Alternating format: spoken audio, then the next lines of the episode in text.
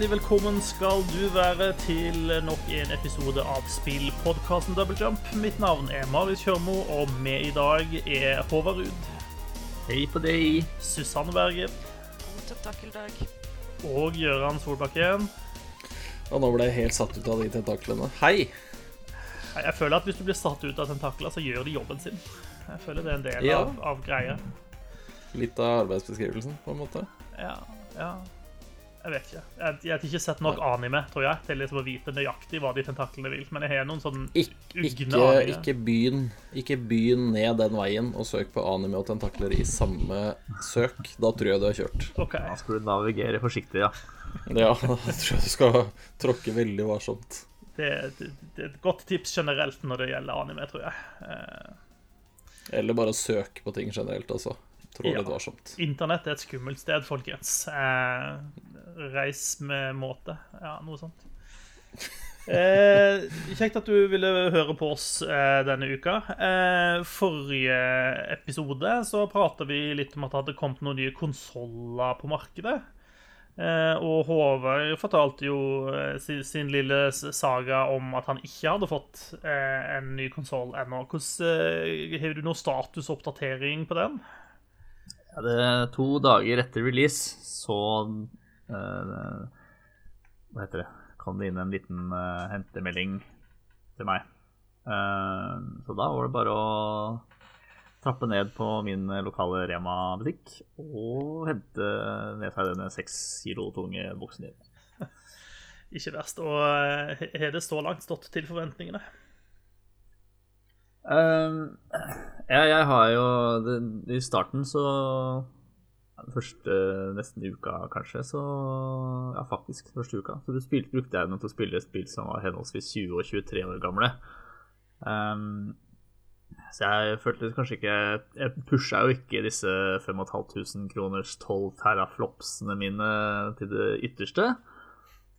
Um, men jeg er veldig, veldig imponert av GamePass, egentlig. Det er liksom det jeg har uh, um, brukt mest tid på eh, Jeg vet ikke mange, men uh, bare å bla i GamePass-biblioteket blir sånn overvelda.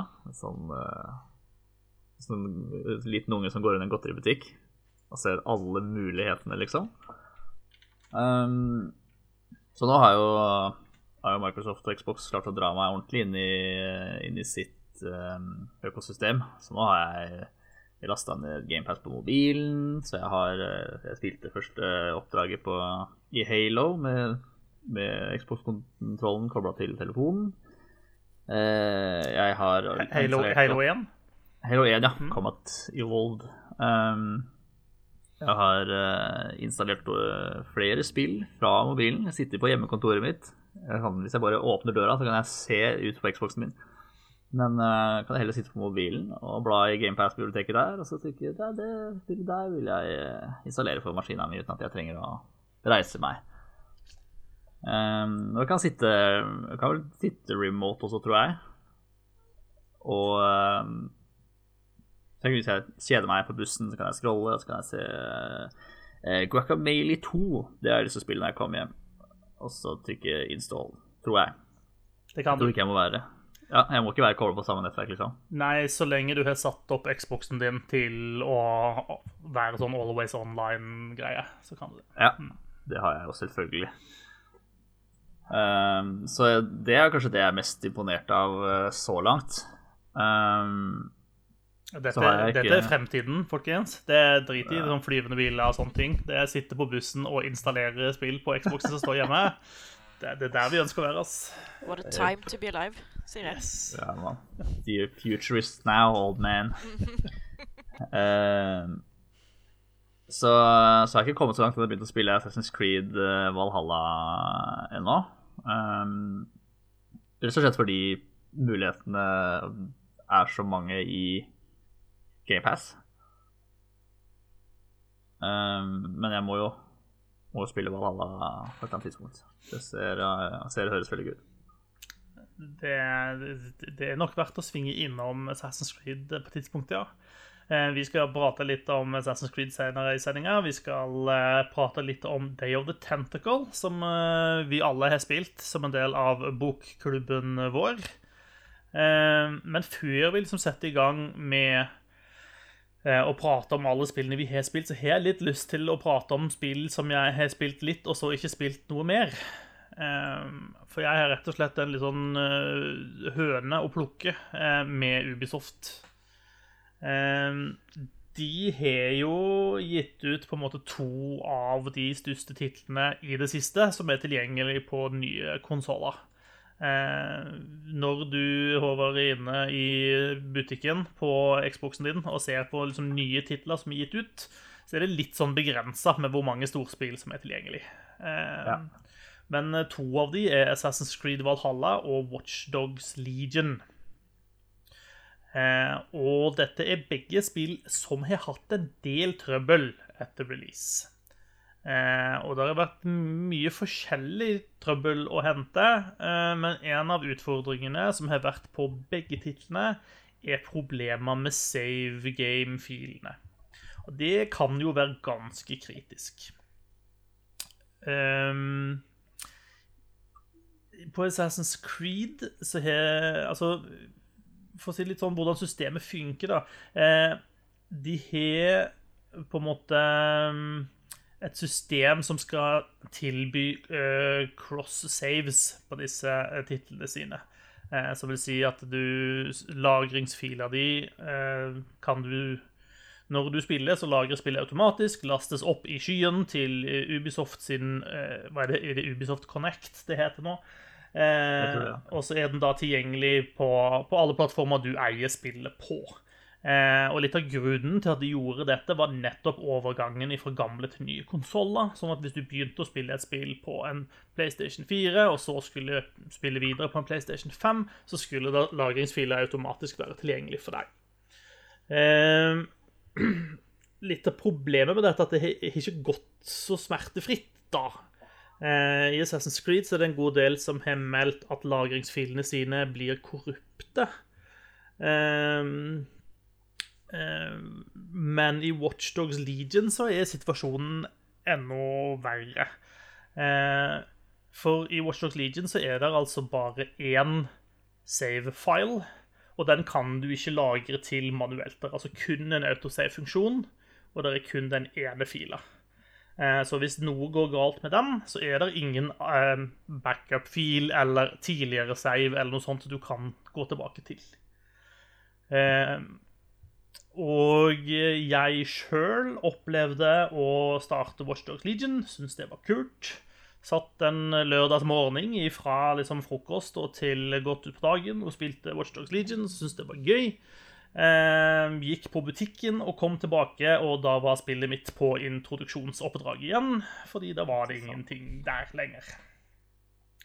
Og det er ganske kjedelig. Eh, Det er til å bli rasende av det. Ja, det, det er det faktisk. Og mange har blitt rasende, da, skal jo sies. Eh, og det er ganske kjedelig hvordan Ubisoft har på en måte kommunisert disse problemene. Eh, For det har tatt ganske lang tid før de har anerkjent at det er et problem i det hele tatt. Selv om på en måte subredditen deres på, på Reddit og det offisielle forumet har liksom hagla inn med folk som er illsinte fordi at eh, lagringsfilene deres ikke fungerer. De får ikke spille spillet. De har betalt full pris for et nytt spill, og det, de virker faktisk ikke. Altså, det, det er ikke spillbart sånn som det er. Eh, Det tok veldig lang tid før de adresserte at dette faktisk var et problem.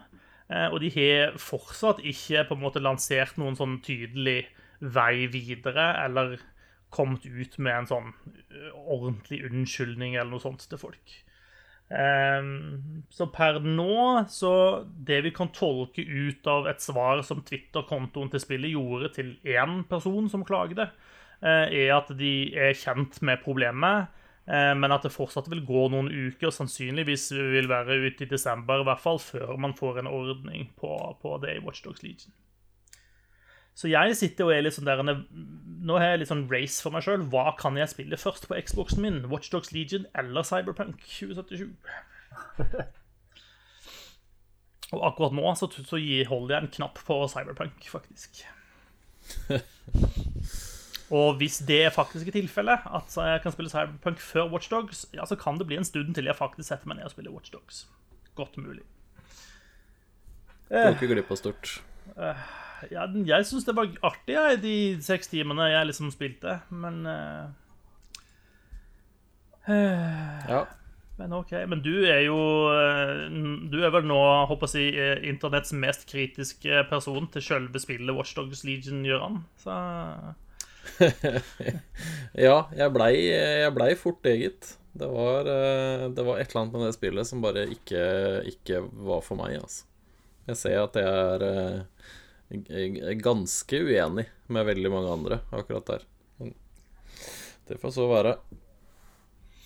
ja. Det, det, det er lov eh, å ikke være eh, å, si, me, Å ligge midt på snittet av, an, av anmeldere. Det, Ja. no, noen må ligge ut av kantene. Det er deilig å være der innimellom òg. Ja da. Det er viktig, og, og viktig å kunne vifte litt med edgelord-flagget sitt innimellom. Det er helt sant. Ja. Eh, så vi har ikke spilt Watchdogs Legion, men vi har spilt Assassin's Creed, flere av oss. Og det kan vi jo prate litt om. Eh, vi har jo prata litt om Assassin's Creed før. Vi prata en god del om det i forrige eh, episode. Eh, og jeg har spilt det mer, og Susanne har vel spilt det mer. Og jeg vet ikke hva Susanne Hva, hva syns du? Ehm, Har du det gøy? ja, men altså på vegne av min lillebror så må jeg jo bare si uh, fuck Ubisoft. Uh, og alt de står for, og hele familien deres. Fordi han uh, møtte på den uh, save game-bugen og mista 21 timer med spilletid. Uh, 21 timer. Jopp. Ouch. Ja, så det er jævlig surt å begynne på nytt eh, etter det. Eh, men for meg personlig så, så digger jeg det. Jeg syns det er dritgøy. Uh, jeg skjønner ikke den his utenforliggende historien når de går ut av animusen og er på den hytta i Nord-Amerika en plass. Det tror ikke jeg har skjønt siden det første spillet, egentlig. Nei, jeg prøvde å se en liksom Jeg har prøvd å se flere oppsummeringer av historien på YouTube, og jeg er litt sånn Hva faen er dette her for noe syresøppel? Eh, Er det, jeg syns det er bedre eller verre enn historiefortellinga i Halo. Oi. uh, Du kan, tenke, du kan få tenke på det. Ja. Men sånn, sånn bortsett fra at jeg ikke skjønner hva som foregår utenom, så skjønner jeg jo veldig godt hva som foregår inne i spillet. Og det å liksom dasse rundt i, i England som Eivor og økse ned den ene anglosakseren etter den andre, er Det er så jævlig underholdende. Eh, og så jævlig tilfredsstillende, spesielt når man får til liksom komboer og critical hits og, og bare alle disse kule tingene du kan gjøre. Åh! Eh, jeg storkoser meg.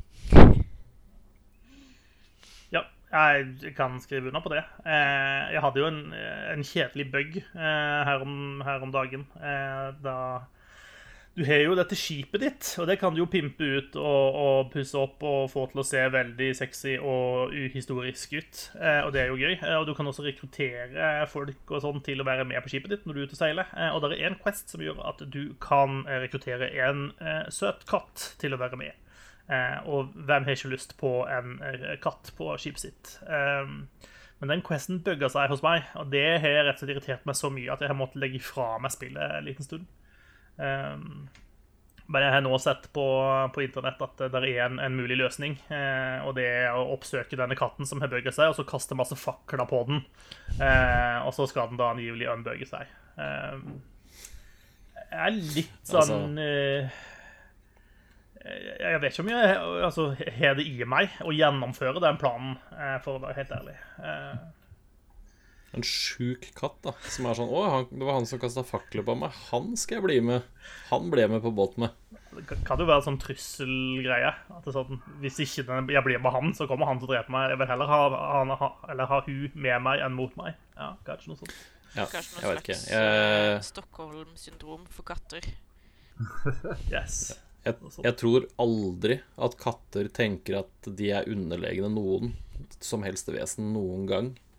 Så det er en eller annen sånn syk sånn maktbalanse der. At enten, det, han kasta fakkel på meg, så han skal jeg drepe en gang. Koste hva det koste vil. Ja, eller sånn denne dama, hun har lyst til å se The World Burn, og det vil jeg være med på. Eh, ja. Ja, Det er vel den mest sannsynlige løsningen på det, tror jeg. Så vi får se. Jeg skal holde dere oppdatert på om jeg klarer å uh, true denne katta med ut på, på, på skipet mitt. Det håper jeg inderlig.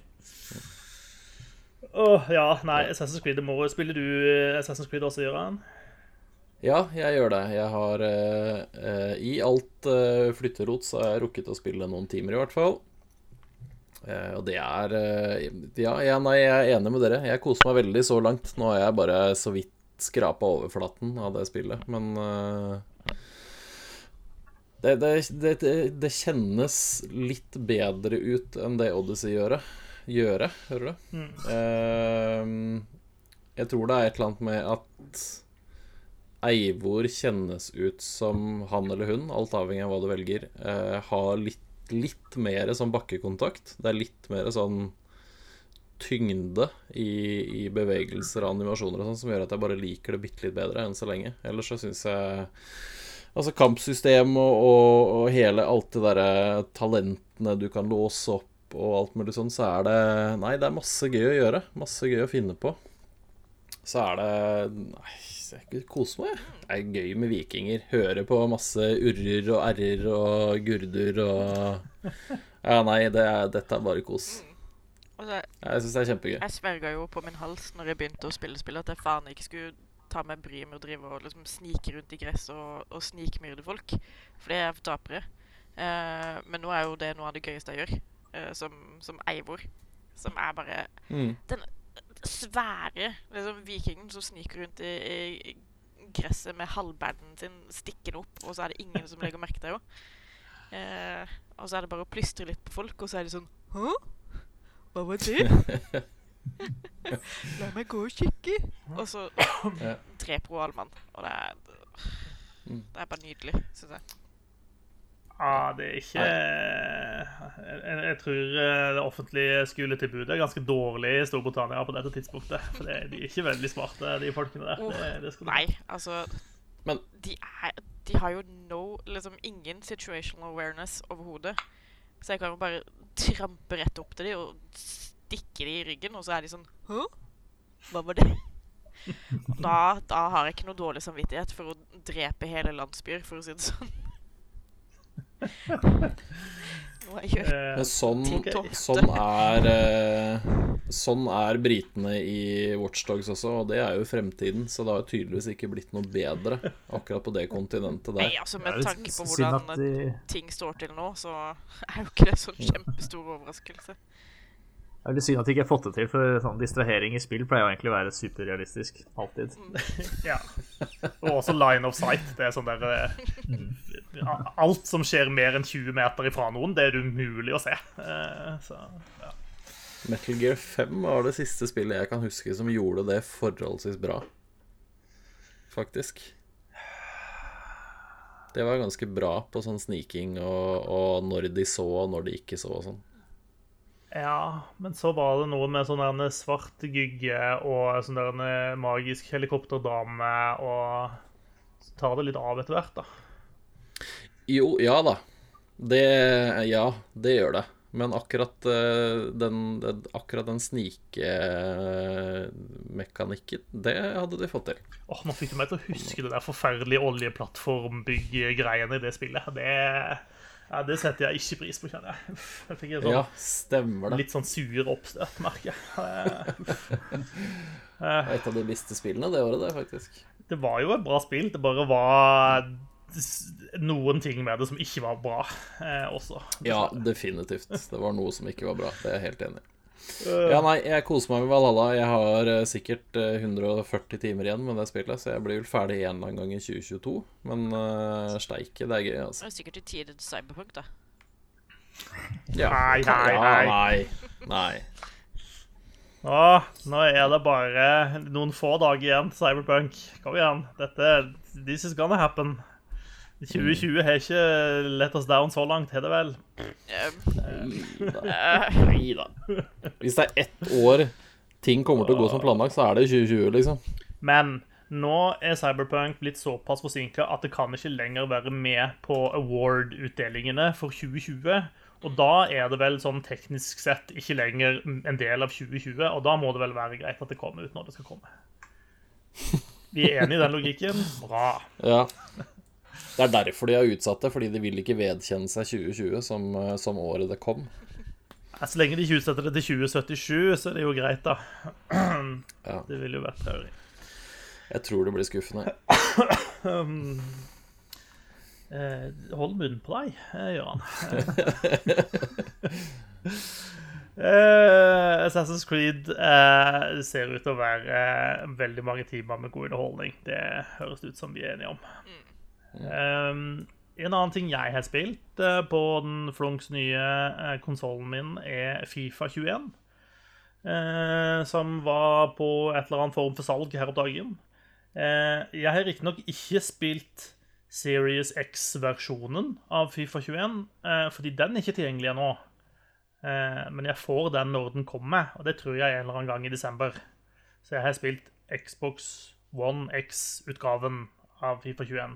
Merker jeg må holde tunga veldig rett i munnen når jeg prater om de ulike Xbox-versjonene. Xbox One X-versjonen på Xbox Series X. Det er riktig. Helt korrekt. eh, og det, er jo Fifa, da. Eh, jeg synes at uh, selve fotballspilling-biten er mye sånn som den pleier å være. Eh, jeg synes at altså Ultimate Team er jo på en måte altså Jeg har lyst til å si at det er hovedmodusen nå i det spillet. Eh, det er stort sett den jeg spiller. Um, og den syns jeg har blitt litt kjipere for sånne som meg, som ikke har lyst til å spille online med andre mennesker. Uh, det er færre liksom, spillmoduser som er, som er offline, da, som er single player. Det syns jeg er litt kjedelig. Uh, de, de, de, jobber veldig hardt for å liksom, få meg til å spille mot randoms på internett. Uh, og det, det, tror jeg ikke egoet mitt tåler. så det vil jeg helst, helst unngå. Eh, så den er litt kjip. Og så har jeg spilt gjennom De har jo en sånn Volta, eh, kaller de det. Som er en sånn type street football-modus inni der. Eh, og der har de lagd til en sånn slags story Liten story-modus. hvor du starter å spille en kamp med liksom ditt amatørmessige streetlag i en sånn gateturnering i Sao Paulo i Brasil. Eh, og så dukker plutselig Kaka opp eh, der eh, og sier 'hei, dere så jo ganske flinke ut'. Eh, og så plukker han opp liksom den ene av spillerne deres, som ikke er deg, men som er en av de andre. Og sier 'han vil jeg ha på laget mitt'. Eh, så, så, stikker han han er litt sånn kuk, egentlig. Eh, Homewrecker, rett og slett? Ja, rett og slett. Eh, men så er det sånn, men alle er så holdsom og greie i Fifa at det er sånn når man prater med han spilleren, så er det sånn Jo, ja, men kult for deg, da. Det er jo en kjempesjanse. Du må jo gjøre det, liksom. Og så er alle egentlig kjempesnurt, men de bare kan ikke si det. Eh, men så spiller du nå likevel den turneringa, og så vinner du den turneringa, fordi det gjør du jo, og så er det da en eller annen dame som visstnok er en sånn superagent, som da finner ut av at ja, men dere er jo ikke så dårlige, dere heller, da. Skal ikke dere Selv om dere ikke har en sånn direkte invitasjon til den store turneringen i Dubai, som tydeligvis er the shit, um, så hva om jeg drar i noen tråder og betale for at dere kan reise verden rundt og spille mot andre lag. Eh, og hvis dere slår alle de, eh, så kan dere også komme til Dubai. Eh, og så sier du ja, det høres jo gøy ut, og så gjør du det. Da reiser du til ja, Husker ikke helt jeg det. Du reiser til Paris, og du reiser til Ja, det er et par andre land i hvert fall som du må gjennom, og så må du spille en turnering hvert av stedene. Slå de beste lagene, og så havner du til slutt da i Dubai. Eh, og det, der i Dubai så møter du da også på en del eh, eh sånne eh, tidligere fotballproffer som nå driver med gatefotball. Eh, så der er det en del kjente ansikter. Eh, og så ender du til slutt opp å spille mot de, og så så, og så avsluttes det. Altså, det tar ikke veldig mange timer å spille gjennom den historiemodusen, og den er for så vidt helt grei. men det er litt sånn når du er ferdig med den, Så det som på en måte da er igjen av Volta-spillingen, den er for meg fryktelig uinteressant. Så det er litt sånn Det, det var kult, og nå er vi ferdig med det, syns jeg. Um, så det, er litt sånn, det virker ikke som de har gjort så mye ut av den biten som de kanskje kunne gjort. da. Uh, de legger opp til en voldsom grind, hvor det er en sånn modus hvor de har noen sånne challenges du kan gjøre. sånn at hvis du klarer å samle sammen så og så mye XB i denne modusen, så kommer du til å unlocke uh, denne ekte fotballspilleren som du så kan ha på Volta-laget ditt. og Du må bare grinde i 30 timer for å få han. og det, det gidder jeg ikke, altså. Men Eh, du kan eh, kle opp folkene dine litt som du vil. Du, gjennom å gjøre ulike challenges så låser du opp nye klesplagg. Eh, og du kan ha bøttehatt. Så ti av ti umiddelbart. Eh, det er jo innovasjonen den serien har uh, savna og yes. Det er helt korrekt. Eh, eh, og du kan også spille i bare undertøyet, hvis det, det er greia di. Så bare undertøy og bøttehatt på stranda i Sao Paulo, så er det, det er jo så realistisk som det kan bli, tenker jeg. Så helt eh, supert. Eh, nei, stort sett Fifa 21 opplever jeg som så, så mye det jeg forventer at det skal være. Eh, jeg jeg, jeg, jeg syns den er litt sånn uggen, den at de skal tvinge deg til å spille online med andre folk. Eh, at det er mye kulere moduser for, for, de som gjør sånt, enn for de som har lyst til å spille singleplayer. Det, det irriterer meg litt. Grann. Så, så kunne de, da kunne de godt gjort noe, for å si sånt. Eh, og så savner jeg litt eh, story-modusen som de hadde, hadde de foregående tre versjonene. selv om den kunne vært bedre, så syns jeg det var en kul ting å ha. da. Så kult om de gjør noe på den fronten fremover. Det, det hadde jeg satt pris på. Og Altså lurer jeg jo etter hvert på når, når skal de slutte å ta fullpris for Fifa og bare gi det ut gratis og få folk til å bruke pengene sine på, på, på Ultimate Team? For det er jo det folk gjør uansett. Altså, det er jo Bortsett fra i år, så er det jo nesten det bestselgende spillet når det kommer, i hvert fall i England og sånn. Så det er jo Så lenge de tallene holder seg, så slipper de jo en ny versjon til fullpris hvert år. Ja da, og det er jo uh sånne mikrotransaksjoner er jo en sånn eh, er jo noe som flere land driver og hele tiden vurderer å regulere. Eh, så de kan jo ikke på en måte være garantert at de kan beholde den eh, den loot crate-greia som, som, Fifa Ultimate Team jo er. da, At det er noe de kan få beholde i TBT heller. Så, sånn sett er det kanskje litt risikabelt å gå all in på en sånn type finansieringsmodell også. Det er sant. And yes. Fifa is Fifa. Ja. Eh, spiller du Fifa, Håvard? Eh, nei. nei. Jeg fikk eh, Jeg har jo kjøpt GamePass Ultimate, hvor EA Play er inkludert. Eh, og der fikk jeg en notification på telefonen min at uh, hvis du vil, da, så kan du få spille Fifa 21 på GamePass i ti timer. Yep. Det er den tri trial-greia som du får på EA ja. sine spill. Ja, og dette har vi snakka om før, eh, men eh, sånn, jeg tror, sånn Fifa 15 til og med 20 ligger der. Eh, men hvis jeg vil spille årets Fifa, så må jeg punge ut. Ja, eller vente et år. Ja, eller vente et år. Mm. Men da har jeg lyst til å spille neste års Fifa igjen. Jepp. Jeg sa det funker. Men du har kanskje spilt et annet EA-spill, da? Ja, det er, eh, det er riktig. Eh, som sagt så satte jeg jo på Det var en annen notification jeg fikk fra GamePass. De malte ikke så mye som det kanskje høres ut som. Eh, men der sto det at de har lagt til litt nye titler og sånn. Så da tenkte jeg ja, ja, det kan jo åpne og se. Og så Det første som caught my eye, som man sier på nynorsk, var Star Wars Jedi Fallen Order. Som jeg som aldri kom meg rundt å spille da det kom i, kom det i fjor, eller er det enda, I fjor, ja. Eller, det er i fjor, ja. Jeg har lyst til å si at det var i fjor, ja. Ja. Jeg kom aldri rundt til å spille det, det da. Um, selv om det så liksom ut som min uh, kopp med te. Um, og uh, det tror jeg jo, syns jeg jo det, det er. Det er litt sånn Tomb Raider, bare med eh, lasersverd. Ja. Ja. Jeg, det er ikke, skjønner ikke hva som er gærent, Nei, vi trenger vel ikke å vite noe mer, gjør vi det? Det Nei, nei, nei. nei, nei. jeg er solgt. Det, er, det er jo Det er vel uh, dekket i denne podkasten før eh, det spillet. Men uh, det gjør noen ting gjør det veldig bra, og så er det andre ting som er ganske irriterende, sånn som det når du, når du dør.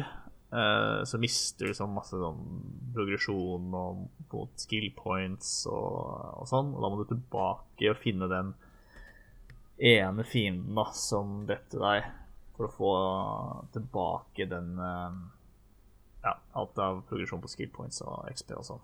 Eh, det er jævla irriterende, selv når du er en sånn Jeg var nede i en grotte hvor jeg sånn drepte én stor fiende, og så et par små, og så en stor, og så en sånn geit som er De er jo helt umulige å drepe. Uh, så jeg ble sendt tilbake til start. Så jeg jeg gidder ikke miste Jeg var jo langt på vei inn mot et nytt skill point, så jeg kan ikke miste det. Så jeg var tilbake, og så fortsetter jeg, da, for det er sikkert ikke så mye igjen. Og så er det bare et par sånn stormtroopers som får på bank, og så plutselig dukker det opp en sånn superskurk, og så blir det tre forsøk på den, og så går liksom tida sånn Jeg kunne heller brukt den tida på å komme meg videre, da. Ikke bare bli satt kvarter, 10-15 minutter eh, tilbake i tid. Det syns jeg er eh, Akkurat det syns jeg er jævla irriterende. Eh, og så syns jeg ikke det Syns jeg ikke combaten Den ikke så, føles ikke så responsiv som jeg skulle ønske den var. Uh, og det har jo med at animasjonene må fullføres og sånn, tror jeg. Um, men Og det er kanskje sånn greit sånn for vanskelighetsgradens skyld, da, eller opplevelsen av vanskelighetsgrad, eller hva man skal si. Eh, Jeg spiller jo på relativt lett fordi eh, jeg er mer opptatt av Jeg vil heller øh, oppleve historien og sånn enn å stå og grinde enkle, små sånne, Eller de er ikke så små, men sånne kjemperotter. Um, um, Men ja, da føles det ikke alltid sånn at han reagerer når jeg vil reagere. Hvis han skal dukke unna noe eller uh, noe sånt, så nitrykker jeg på B eller hvilken knapp det er for å, for å dukke unna, og så ruller han heller to ganger litt for seint, og så er det sånn, ja. Uh, men mye av den sånn utforskinga og klatring og og, og sånn, det syns jeg, er- synes jeg er kjempegøy. Å bruke liksom The Force for å manipulere omgivelsene da, til til man kommer videre. Synes jeg, det syns jeg er kjempegøy. Stort, stort sett artig å være Jedi. Ja, det, det virker gøy, det. Um, ja. Så det, det er et spill jeg liker eh, stort sett ganske godt. Stort sett ganske godt. Ja, det er bra. Ehm, og ellers er det fortsatt litt World of Warcraft det går i, eller? Ja, nå er det jo Nå kommer jo Shadowlands. eh, Vi spiller jo inn på en mandag, så det er jo ved midnatt. Så om, I snakkende stund så er det bare litt over tre timer til Shadowlands kommer, den nye utvidelsen til World of Warcraft. Eller tre timer Um, til serveren deres krasjer og ingen kan spille spillet. Ja, nettopp. Jeg har ikke tenkt å være førstemann inn, for å si det sånn. Eh, Jeg skal ta det heller litt rolig, og så se hva som går an til eh, nærmere helga, tenker jeg. Betyr det at vi ikke Eh, kan spille Overwatch heller, fordi at World of Warcraft krasjer? Uh, potensielt. Det var jo sånn uh, Var det da pre-patchen kom, tro? Uh, sånn som introduserte mange av endringene som kommer i Shadowlands, bare uten liksom, de nye områdene og, og sånn. Eh, så hadde vi jo egentlig tenkt å spille Overwatch den kvelden, men da satt vi jo i sånn fire måneder lang kø. Uh, så det ble ikke noe av den kvelden. Fordi at de Eh, ruter all trafikken gjennom den samme launcheren. Så hvis det er mange folk som vil spille ett spill, så får ingen lov å spille alle de andre heller. Uh, Ja. Og nå er jeg som Call of Duty ute i tillegg også. Ja, jeg tror det kan bli litt trafikk der etter hvert, ja. Ja, så det.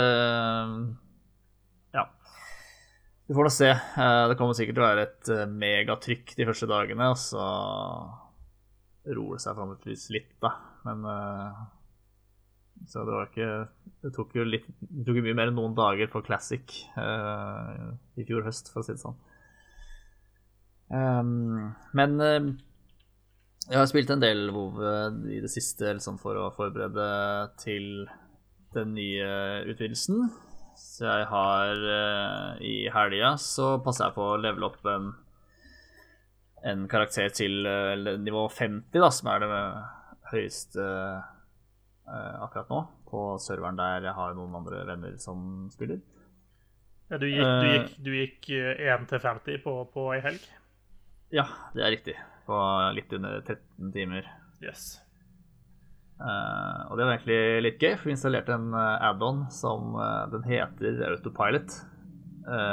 og automatiserer det som kan automatiseres, egentlig. og gir deg en sånn stor pil midt på skjermen som viser deg hvor du skal gå, og så det, har du en liste over ting, ting du skal gjøre når du kommer dit pila peker.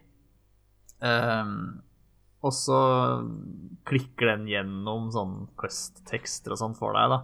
Så du bare trykker for å prate med figuren som gir questen til deg. Og så blinker det bare i alle disse tekstbolkene som dukker opp, og så har du, har du questen.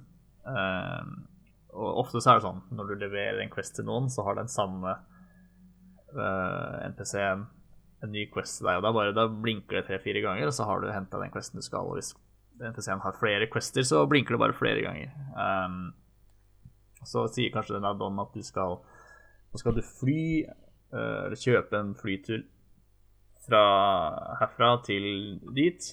Når det går og prater med flight-masteren, uh, så klikker det så spiller add-on bare for deg, så du er av, er av gårde, da. Så uh, det skreller jo av ganske mye, og den har selvfølgelig optimalisert ruta som vi valgte en sånn speedrun-innstilling, da, så det blir en sånn absolutt raskeste Så da velger den, den Warlords of Draenor, som er ja, fire utvidelsessiden, kanskje, er visstnok den raskeste, da. Så da spilte vi gjennom historien i den utvidelsen og, og sånn. Og det var litt gøy. Eh, gjør leveling enda mer hjernedødt enn det det er i utgangspunktet. Eh, men da var vi liksom tre stykker vi satt og preika skit på Discord og ja gjorde var slaver for en grønn pil på dataskjermene våre. Um, og vi oppdaga det med en gang vi Hvis vi slutta å høre på den gjøre noe annet enn den pila sa, så ble det jo bare rot. Da havna vi jo helt på ville veier, og vi uh, Ting tok jo lengre tid, og vi da, Pila har en plan. All, all, alle som har kjørt etter en GPS, vet at med en gang du ikke hører på den, så blir det kluss. Ja. Pila har en plan. Litt på stol på pila. Hengi deg til pila.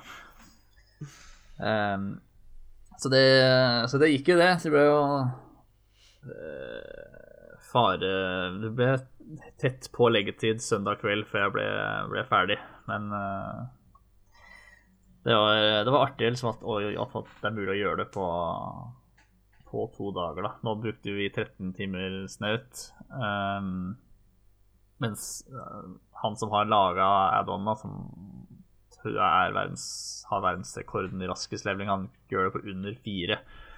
Så det er jo uh, det er rom for forbedring der, men uh, Følg pila, så går det greit. Jeg tror ikke jeg gidder å optimalisere så mye. så svett er jeg faktisk ikke.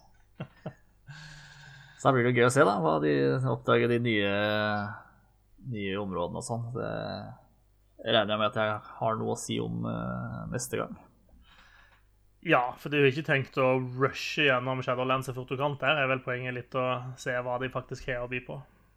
Ja, altså jeg skru av den, eh, den add-on, eh, i hvert fall for første karakter jeg leveler opp. Um, for uh, det er jo for så vidt flere, flere utvidelser siden Blizzard begynte å faktisk klare å fortelle en historie i World of Warcraft.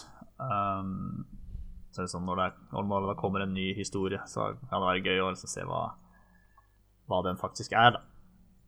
Uh, de har jo lagt opp veldig, veldig sånn spennende det er jo, Dødsriket er jo åpna opp i World of Warcraft nå, så oh, huff da.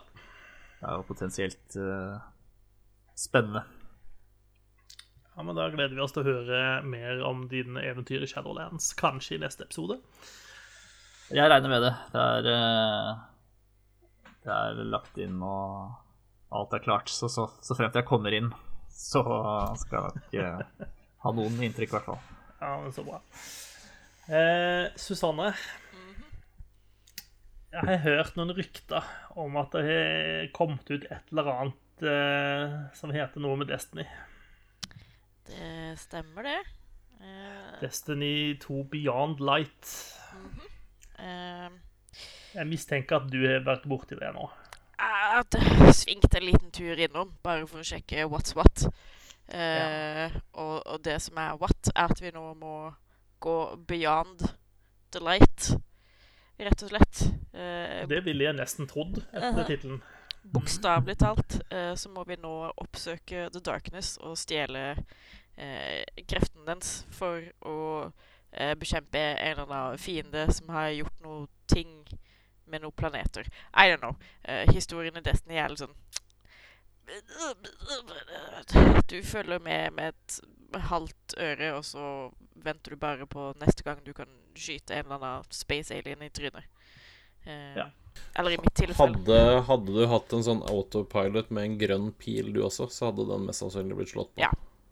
Eh, Sier du at du ikke tilbringer veldig masse tid inne på den nettsida du er nødt til å gå til for å lese Lauren i Destiny? Eh, Var ikke det bare i første spillet? Skal jeg, jo da, det var skal jeg fortelle deg noe trist? Ja. Jeg brukte en del tid på den nettsiden, faktisk. Det var ganske bra story i Destiny, Ja, altså sånn egentlig. Den er veldig spennende og, og veldig kul, men uh, måten den blir introdusert på, er litt sånn Man må lese så jævlig mye, da. Og det er ikke derfor jeg, yeah. det er ikke derfor jeg spiller Destiny. I was selected to lead, not to read. Jeg spiller Destiny for å slå folk i trynet, på en måte. Eh, Ja. på, på en måte som ikke er lov i det virkelige liv. Eh, men ja, eh, noe har skjedd. Eh, en hel haug med planeter har forsvunnet. Vi må finne ut av hvorfor, hvor de er blitt av, hva som har skjedd med alle folka som var på disse planetene. Så vi slår oss sammen med Varix, som er en gammel kjenning, eller en gammel fiende fra forrige utvidelse. Eh, som nå plutselig opererer i et litt gråområde, da. Eh, eh, og skal prøve å hjelpe oss med å finne ut av hva i helvete det er disse pyramidefolkene eh, vil. Eh, og det, det virker kult. Det, vi har bare spilt intro-missionet så langt. Eh, for det er jo en masse grinding du må gjennom før du kan fortsette videre på historien. Selvsagt. ja, ja, sånn er det. Eh, og så kan man låse opp en helt ny eh, Ja, en helt ny kraft, da. I tillegg til eh, Solar, Electric og, og Void, så er det nå noe som heter Stasis. Eh, som du bruker til å fryse fiender, da. Eh, og, og knuse de etterpå. Når du fryser de med Stasis, så er de mer mottagelige for eh, litt hongemeng. Eh, så jeg gleder meg veldig til å, til å levele opp denne evnen og se eh, hvor mye skade jeg kan gjøre med den. Eh, Ja, for du spiller Titan, du. ja, så klart. Jeg har spilt Titan siden første spill. Det er ikke noe Ja. Ingen over og ingen ved siden av. Ja. Ja. Altså, The Guardian Games beviste jo det så til de grader at det er kun Titan som gjelder. Ja. Ja. Eh, så Warlocks og Hunters kan ta seg en bolle. Eh, og gå og bare jerk each other off, mens eh, Titans får jobben gjort. ja. Aleine, til og med. Ja, ja, Du Trenger bare én Titan for å gjøre jobben til 40 Warlocks. Med mindre man skal Med mindre man skal løse puzzles eller gjøre noe som helst finurlige greier som du ikke kan løse Mm. med nevene. Da, da er man fucked. Ane Det at eh, vi ikke slipper unna litt profesjonsstrid også i fremtiden. Eh, Men du har det moro, da, idet du grinder videre for å få se mer av den historien som du ikke egentlig bryr deg så mye om. Ja, altså Merkelig nok så vet Destiny alltid hvilke knapper de skal trykke på for at jeg konstant kommer tilbake og tilbringer altfor mange timer i det spillet. Eh, og jeg syns jo historien er interessant når jeg tar meg tid til å liksom, sette meg ned og lese litt og, og følge med. Og alle cutscenesene er jo Åh, de er så bra. Eh, er det noe Bungie kan, så er det jo akkurat det. Å liksom lage for det første veldig spennende trailere, men også for det andre veldig kule cutscenes. Eh, og nå Mm. som de har gjort om på litt ting og tang, så kan man på en måte grinde på steder man ikke har vært så mye før. Sånn som The Cosmodrome, som nå er tilbake i forbindelse med eh, New Light, er det vel. Så kan man drive og, og, og kuke rundt i gamle trakter som man ikke har sett på en stund. Eh, så det hjelper jo. Eh, så introduserer de jo hele tiden nye nye måter å grinde på, da, så det føles aldri gammelt. Man får hele tiden en injisering av et eller annet nytt, selv om det bare er å bygge videre på eh, gambit-mekanikken, f.eks. Eh, så har de en måte å gjøre det på som får det til å føles litt fresh, da. Sånn at man ikke blir eh, helt eh, bånn i bøtta lei og kaster PC-en i søpla. Mm. Ja. Ja, men greit. Da får du et keep on tightening. Yes. Jeg har en sånn teori om at eh, hvis du er litt ensom eh, og trenger å få deg noen venner, så kan du logge på Stadia-versjonen av Destiny. Da er jeg ganske sikker på at de tre andre menneskene du møter der, de er keen på å være kompisen din. Eh, så det er et eh, hot tips eh, hvis du føler deg litt ensom. Eh, ja, Gøran, det var mest flytting på deg og litt Assassin's Creed. Det er det det, det, det blei, gitt. Ja, det, det lå, det. det. Ja. Da tenker jeg vi skal rase gjennom litt nyheter som har vært eh, i uka som har vært. Um, en av de store nyhetene som kom, er at eh, IO Interactive, spillstudioet mest kjent for Hitman-serien, er i gang med å utvikle et nytt spill basert på James Bond-lisensen. Um, og de eh, har også sagt at de er i full gang med å rekruttere inn masse talent til å være med på dette prosjektet. Eh, Hva tenker du, Håvard, at vi ønsker oss fra et IO Interactive 007-spill? Um, ja, de har jo fått til med nye hitband, da. Uh, så du sa jo sånn eh, Håper det Hva var det du sa, egentlig? Uh, altså, det har vært mye rare ymse kvalitet på James Bond-lisensierte spill. Ehm, så jeg fikk litt inntrykk av at du kanskje ønska deg et uh, Hitman-spill med en uh, hovedkarakter med hår. Nei, det tror jeg faktisk det var du som sa. Ja, jeg, og jeg fikk inntrykk av at det var det du ville, så jeg sa Ja. det. Ja, altså det, det um, eh, jeg, jeg synes Hitman-spillene, da, hvis du skal vurdere de, så syns jeg de spillene hvor man skal snike og ha det moro, er bedre enn de eh, hvor man skal være actionhelt. Eh, fordi de- de er ikke så moro. Eh, og James Bond er jo også litt sånn ja, OK, han er hemmelig agent. Eh, han har jo en rekke Hollywood-filmer er der han er veldig actionhelt. Eh, og så er det noen James Bond-historier er, der han er noe mer finurlig og snikete. Eh, og, og vi er vel såpass store fans av på en måte snike Hitman at vi egentlig ønsker oss Hitman bare med smoking, på en måte. Smoking Ja. og hår. Ja. Ja, det er Hitman Absolution. Ja, det heter vel Det var litt mer sånn actionorientert, og det var rimelig bånd i bøtta. Fikk da knekken på noen nonner, da, hvis jeg husker riktig. Det var jo en ting. Ja, det stemmer nok. Yes, så det kommer vi til å følge med utviklingen av med argusøyne. Eh, vi får håpe at de ikke faller for fristelsen av eh, å gå full on action. Og hvis de gjør det, så håper jeg i hvert fall at de gjør det på en måte som er veldig underholdende og gøy. Eh, den som lever, får se. Eh, Det får man. Hva, hva sa du, sa du? Ja, det får man. Ja, det gjør man. det gjør enten eller, tenker jeg er eh, ikke en sånn eh, halvveisgreie som det ble i Absolution. Hvor de ville ha mer action, men måtte ha litt sniking fordi det er jo Agent 47. Eh, og så ble det liksom ingenting. Ja, enig. Eh, hvis du eier en PlayStation 5-kontroller, den nye DualSense-kontrolleren, eh, så vil den nå støttes av Steam. Eh, Valve har nettopp eh, annonsert support for den kontrolleren, og du kan allerede nå teste det ut ved å bli en del av sånn public beta-testinga til Steam. Men den vil etter hvert da også bli rulla ut for, for alle. Og det er jo kult. Den uh, har jo fått uh, rave reviews, og folk er jo veldig fornøyd med den kontrolleren. Så det er jo eh, gøy at man kan bruke den på PC-spill. Ja, det er lettere å få tak i kontrollen enn konsollen. ja. Det er, det er vel sikkert ikke så billig heller, men, men det er noe så. Det koster sikkert eh, 800-900 kroner. som kontrollere koster nå for tida. Uff da. Eh, er det noen av dere som spilte The World Ends With You? Det Det kan jeg aldri tenke meg. Nei, nei det ble veldig stille. Eh, Svar skyldig, som man sier.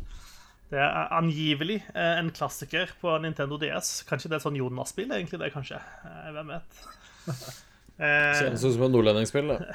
ja, i hvert fall eh, et spill eh, som en del som har spilt det, har et veldig varmt forhold til det. Eh, og der har det nå blitt annonsert at det kommer et nytt spill i den serien. Eh, det tyder på at det kommer til å være en prequel, og det skal hete Neo The World Ends With You. Eh, så fan av den serien kan eh, glede seg. Det, de har vist noe av det. det skal, hovedpersonen i spillet skal være en fyr som heter Rindo. Og vi vet ikke så veldig mye mer om han ennå.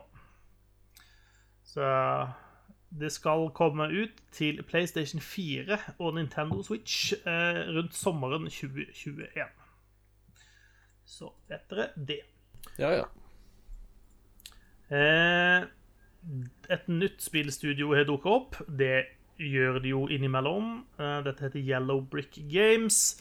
Eh, og det er blant andre tidligere eh, Dragon Age-regissør Mike Laidlaw eh, som står bak dette. Han har med seg en rutinert gjeng med dataspillskapere som har en fortid i bl.a. Electronic Arts, Ubisoft og Activision Blizzard. Um, de setter da sammen dette firmaet sitt, eh, som skal jobbe ut fra Quebec i Canada.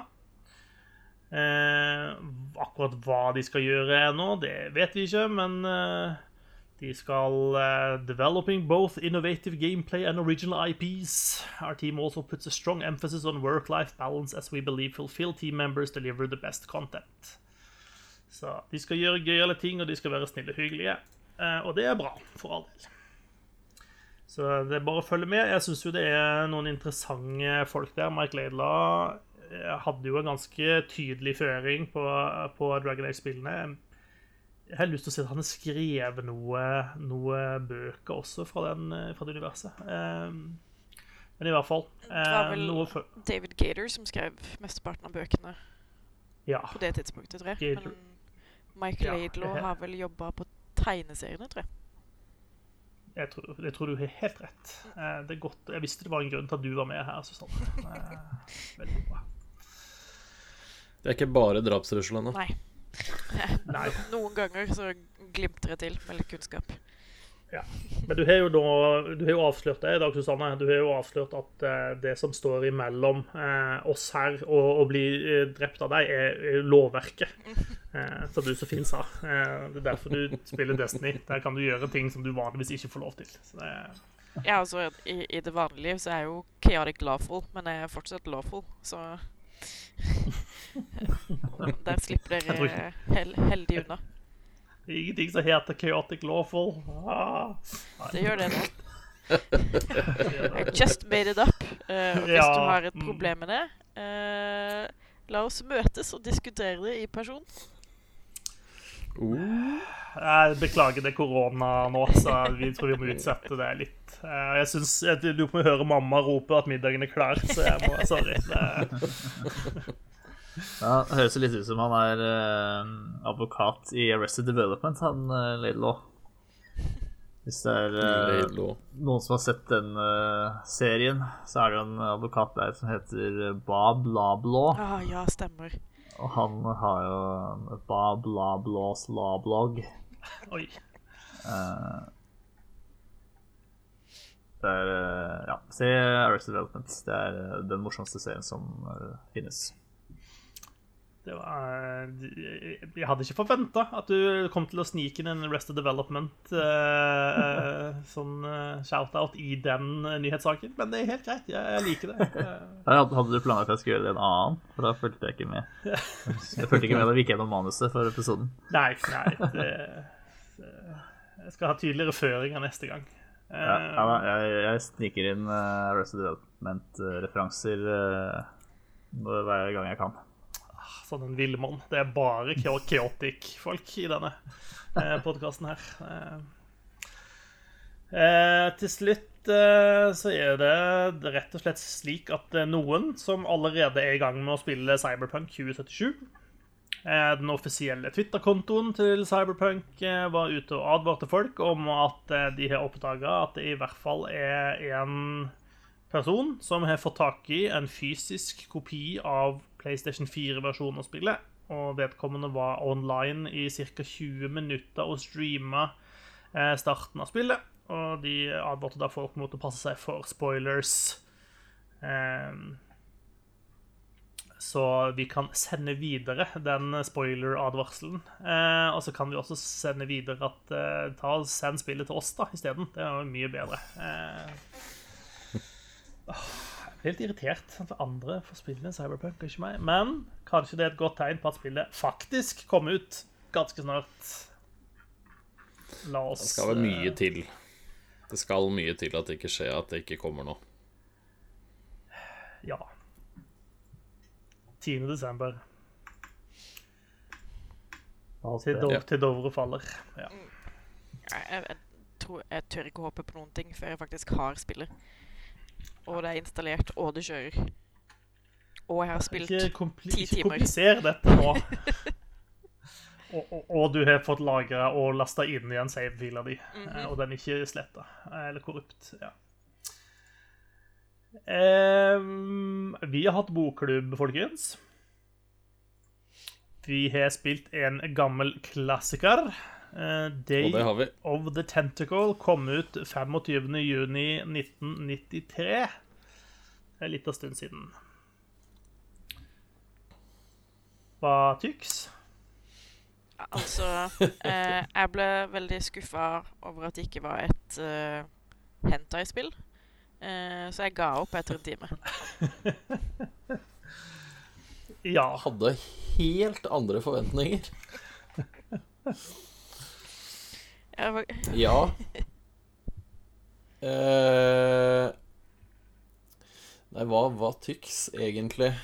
Jeg spilte det her i gode gamle dager. Ikke i 1993 spilte jeg det ikke, men jeg spilte, eh, spilte det noen år seinere.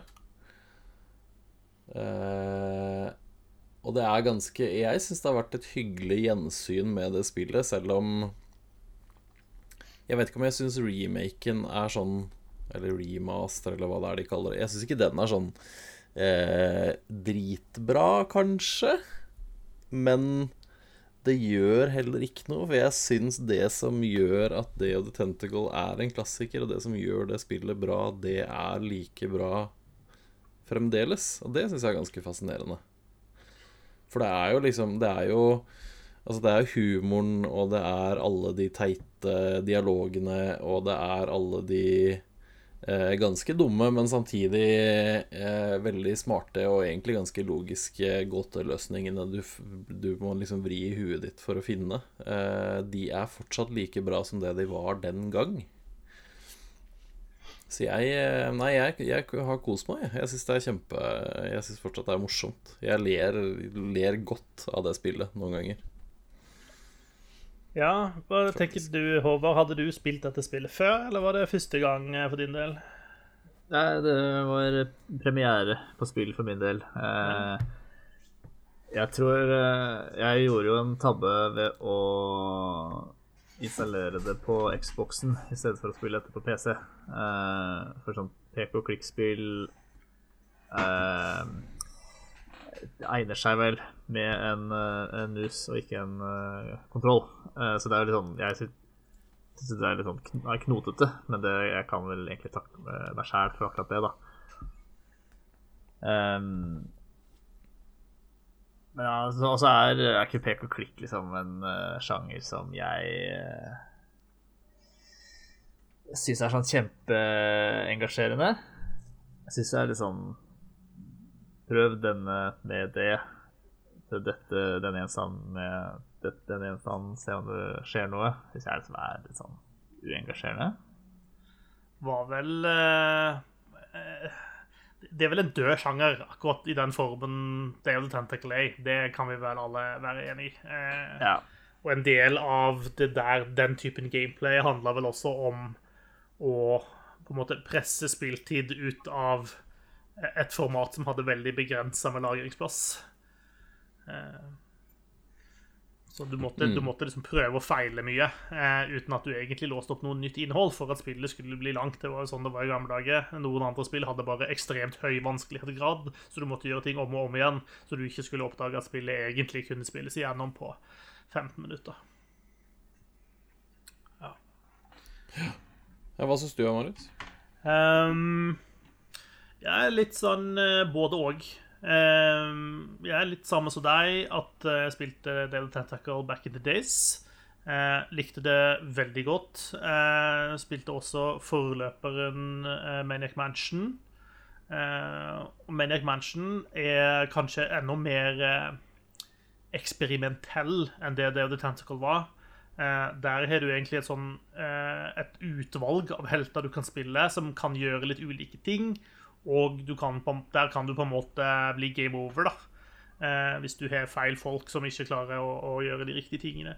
Eh, mens the Tentacle er litt mer eh, det, kom, det ble litt sånn eh, Litt mer mainstream, eller sånn Det fulgte mer oppskriften som etter hvert ble etablert da, av eventyrspill. Og kanskje, kanskje så var the Tentacle og LucasArts veldig med å etablere den eh, oppskriften med Day of the Tentacle. Eh, Og jeg syns, litt som Håvard påpeker, at den, den sjangeren den, den er død for en grunn, da.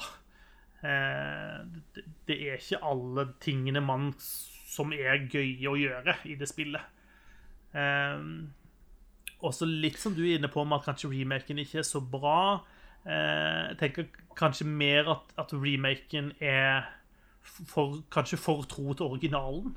Eh, Ja, det er det jeg mener, jeg òg. At den er, de skulle ha de, de hadde med hell kunne modernisert en del av de gamle tingene. Ja. Eh, For, Ja. for det føles utdatert, men det er også litt sånn eh, Altså, i dialogene, for eksempel, eh, så er det når det er litt frem og tilbake, og så er det noen vitser, og så skal det på en måte komme en punchline, så tar det liksom for lang tid imellom dialogene. Eh, og, og det gir mening når dette spillet kjørte fra en CD-rom liksom, på slutten av 90-tallet, men nå så føles det bare som sånn uh, Litt sånn seigt og sirupy. Uh, Ja. Så, så de, de kunne godt ha gjort litt mer med den remasteren sin for å eh, for, for at det skulle appellere til et nytt publikum, da. Ja, en ordentlig, en ordentlig remaster. Da. De kunne, altså hadde de kosta på seg å spille inn en del dialog på nytt, kanskje spille inn musikk med ordentlig, ordentlig punch i, og, og modernisert litt mer sånn, så tenker jeg det hadde blitt et mye bedre spill. da. Ja, jeg tror også Eller mye mer moderne spill, om ikke annet. da. Bedre spill er jo kanskje litt sånn rart å si, men et moderne spill. Ja. Og så er det noen av de karakterene som er De er på en måte gøyale og artige, og så føles de også de kanskje litt utdatert. De er litt sånn eh, De er veldig stereotyper, da. Eh, og de har ikke så mange lag ved seg som man kanskje eh, forventer at ting her i dag. Eh, så det, men det er litt sånn Det er en svunnen æra. Eh, Og der er definitivt ting i dette spillet som jeg setter veldig pris på, og som jeg syns er morsomt og gøy. Men det er noe med innpakningen og presentasjonen som eh, Som rett og slett ikke tåler tidens tann, da. Eh, og det er, litt, det er litt sånn trist. Eh, og samtidig så er det egentlig også litt godt å liksom bare tenke at OK, dette er et, eh, dette er et godt barndomsminne, på en måte, og det, det, det lever videre. Det blir ikke ødelagt av dette her, på noen måte, men det er også noe som hører til i fortiden, rett og slett. Så, eh, så det er ikke et spill jeg kommer til å spille om igjen med det første. Det er det ikke. Nei, altså, jeg har jo Jeg spilte jo aldri originalen, men eh, jeg prøvde meg jo nå. Jeg spilte det også på, på konsoll, og det burde jeg kanskje ikke gjort. Men det tok ikke lang tid før jeg var jævlig lei. Mm. Var liksom Ja, dialogen og musikken var litt masete, og så skal jeg ærlig talt innrømme at jeg ikke skjønte så jævlig mye. Eh, så jeg ble liksom stuck en plass og hadde liksom lommene fulle av falsk spy og noe, noen mynter og noen bøker og noe drit, og jeg bare Og et marsvin. Hva faen skal jeg med det her? Uh, ja, det er Tim Shafer og Ron Gilbert uh, sin humor eh, hele veien gjennom. Eh, jeg vil fortsatt anbefale folk å, å, spille det spillet hvis ikke de har spilt det, fordi ja, det er på en måte a piece of video game history, da. Um, og det er litt sånn uh, Hvis du skal se tilbake på på den sjangeren, som var ganske stor og var blant de liksom bestselgende spillene på et tidspunkt, eh, så var det LucasArts med, med Day Tentacle og med Monkey Island som eh, Som var blant de, de aller, aller største på, på den sjangeren. Så Monkey Island er en veldig mye bedre remaster, syns jeg. Så hvis man først skulle Eller en remake, eller hva man kan kalle det. Så hvis man først skal spille et av de gamle spillene, så er det lettere å anbefale den Mm. enn det er å anbefale Day of the Tentacle. For der, er de, der har de faktisk modernisert og gjort mer ting enn det de har gjort her. det kan nok være at det Men, er en god anbefaling. Nei, jeg, nei, jeg syns det, det kan hende det er fordi jeg har gode minner fra det. At jeg er litt, uh, litt rundere i kantene. Jeg syns, fortsatt det er morsomt. Jeg syns det er gøy en del av de, opp, de, eh, de måtene de bruker de forskjellige tidene på. Altså den tidsreisegreia til å løse, løse gåter og utfordringer og sånn på underveis. Syns jeg fortsatt er uh, kreativ og morsom. Uh, en, en morsom måte å liksom bruke den ene plassen på på, på forskjellige måter. Men uh, Ja, og det er jo det som var på en måte den sånn innovative greia i Day of the Tentacle. Mm. Sant? At du har dette huset, men eh, du har dette tidsreisetingen som skjer, som gjør at du må på en måte i ulike tider eh, løse ting, og så må du sende ting gjennom tidsreisetoalettet til de andre tjommiene dine og, og sånt, og så må man på en måte De må samarbeide på tvers av tidene. Eh, det, det var en ganske kul greie eh, når det kom. Hæ? det er fortsatt gøyalt. Må man det? Ja. Ja, eh, ja. Eh, så klart må man det. Det hadde jeg jo fått med meg. Eh, ja. Yes. og så skjer det Og så skjer det ting med uh, tingene du sender gjennom tid innimellom og sånn. Så du får Ja. Så det får en annen egenskap i, i, i fortid eller nåtid, f.eks. Ja. Ja, altså påvirkelige ting. Altså hvis du Ja. eh, Husker ikke noen gode eksempler i hodet, men det er sånn Hvis du hogger ned et tre i fortida, så vil det treet være nedhogd i fremtida, på en måte. Eh, og kanskje det var det du trengte for å komme deg forbi der du skulle. Altså, ja. Sånn. En veldig spesifikk sånn greie er at du kan eh, På et eller annet tidspunkt så skal du eh, dytte en dame som ser på overvåkningskameraer. Eh, du skal få henne bort fra de kameraene.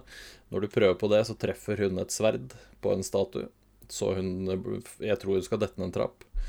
Eh, men hvis du da går tilbake i tiden, så kan du gå og så kan du forstyrre denne skulptøren på en Nå husker jeg ikke helt spesifikt hvordan du gjør det, men i hvert fall sånn at det ender med at han skulptøren lager eh, sverdet på den andre hånden. Istedenfor at den holder høyre, så holder den i venstre. Så går du tilbake til nåtid, dytter hun dama, og så er det da sverdet i venstre hånda istedenfor høyre, så åker hun rett ned trappa. yes. Sånn er det en del av. Det Mm. Ja. Så de, de tingene syns jeg fortsatt er morsomt. De er liksom, de er kreative og ganske unike i den sjangeren selv den dag i dag. Det syns jeg er ganske fascinerende, faktisk. Mm. Eh, jeg, eh, jeg, jeg er jo en uttalt eh, sånn tidsreisehater. Eh, Jeg syns omtrent det aller, aller meste av popkultur som involverer tidsreising, er skikkelig kjipt. Eh, men Day of the Tentacle er, er unntaket som bekrefter regelen. Der syns jeg faktisk det er artig. Men når du snakker om tidsreise, har du sett på Dark på Netflix? Ah, Har jeg nevnt den før? it's so good. Det er den beste. ja, fy faen, den er så bra. Eh, Jeg er bare ferdig med sesong to, så ingen spoilere. Eh, Men Jesus Christ, det, Mm. oh, det er et stykke bra tidsreise-TV-serie, altså. Oh yes. Hvis det er liksom salgsargumentet deres til meg, det er, det er tidsreise, folkens, så, så, så gjør det ikke noe for meg, altså. Men, eh, men OK. Jeg, jeg hører Det er tysk tidsreise. Hjelper Ja. det? Eh, familiedrama, masse intriger. Mm. Eh, En god del Skal man kalle det incest, eller eh, Ja. Hjelper det? Ja. Jeg tror, tror jeg går og ser mer av Mandalorian, jeg. Uh, thank you very much. Nerd. uh, neste bokklubb så har vi landa på at vi alle skal spille et spill som heter Carrion. Eh, og Oh yeah. du, Gøran, har vel vært litt borti det før. Kan ikke du si hva det er vi skal? Jeg har jo en, en mistanke om at det, dette er noe, en form for noe skumle greier, på et vis. Ja, på et vis er det skumle greie, men denne gangen så er det du som er skummel. Um, og det er ganske morsomt. Du, i Karen, så spiller du en stor klump med et eller annet ekkelt monster som blir større og større. Eh, der er det tentakler og guff. Eh, og du spiller Det er et jeg veit ikke, et type sånn Metrovania-plattformspill, på en måte. Du låser opp uh, nye egenskaper som gjør at du kommer deg til nye plasser og sånn. Men uh, i bunn og grunn så er det du som er monsteret og skal drepe menneskene i dette spillet. Høres kult ut. Kanskje det er mer til Susanne sine forventninger i, av tentakelspill. Nei, det er veldig Ta på deg headset og hør på, hør på lydeffektene. De er, de er skikkelig kule og gufne. Hvor- Hvordan de liksom har eh, Ja. Ja, ja sånne bløte krabbelyder. De er ganske guggete, faktisk. Men eh, jeg gleder meg. Jeg har trengt en grunn til å spille mer Carrion, så det passa bra. Ja, men, Så så, du anbefaler å spille det med headset? Ja, det vil jeg si. Ja, altså hvis det er eh, Jo, det vil jeg si. Det er, litt, det er et eller annet med å få de lydene sånn godt inn i, inn i huet. Ok. De kan vel koble headset rett til Xbox-kontrollen, tror jeg. Så det skulle ikke være noe problem. Og jeg har, så, jeg har så ny, fin Xbox, jeg, så jeg bare bruker den.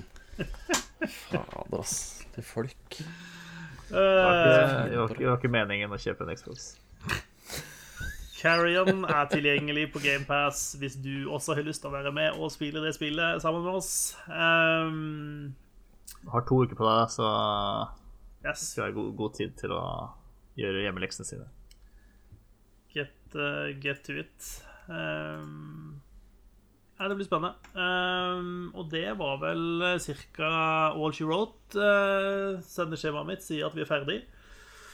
Det føles litt ferdig ut også, kjenner jeg. Uh, Er det noe annet som vi kan forvente oss fremover? Det blir Carrion om to uker. Vi nærmer oss jo sånn liksom siste rest av release, spillreleaser nå, før jul. Eh, Så vi er vel litt sånn av håpet at det detter inn ting ganske snart. Shadowlands vet vi er på plass. Kanskje kommer det noen andre ting. Hyrule Warriors er jo visstnok et eller annet sted i postsystemet. Ja, nå har du det sånn at jeg har flytta ganske godt inn i skauen, så her er ikke Her er ikke post og søppeltømming hver dag, for å si det sånn. Du du har en sånn rev du, som du fester, fester post til, som da løper av gårde med det. det. Han er godt trent, da. Han er vel- han var ganske flink. Så du, Kommer stort sett tilbake. du sender ting med, med Fox, altså? Med Fox. Eh, det kommer Immortals Phoenix Rising, har jeg lyst til å prøve. Det kommer jo om ikke så lenge. Det er vel en pen uke til det kommer, cirka. Yes. Kommer, eh, Så Empire of Sin kommer om ikke så lenge også. Det gleder jeg meg veldig til. Mafia- eller gangsterspillet til John og Brenda Romero. Det blir kult. Det blir kult. Yes. Kanskje, kanskje kommer Football Manager etter hvert også. Det blir sikkert veldig annerledes enn det har vært de siste 30 årene. Det er noe av det jeg gleder meg mest til å høre om i løpet av et år. Yes, alltid. Eh, takk for at du var med oss. Denne sendinga er slutt. Eh, fra meg sjøl, Gøran, Håvard og Susanne vil jeg si takk for at du hørte på, og på gjenhør om en ukes tid. Hei så lenge. Hei så lenge. Hei så lenge og hei så lenge. Det er den dølleste avslutninga vi har hatt så langt. Okay. Syns det var hyggelig.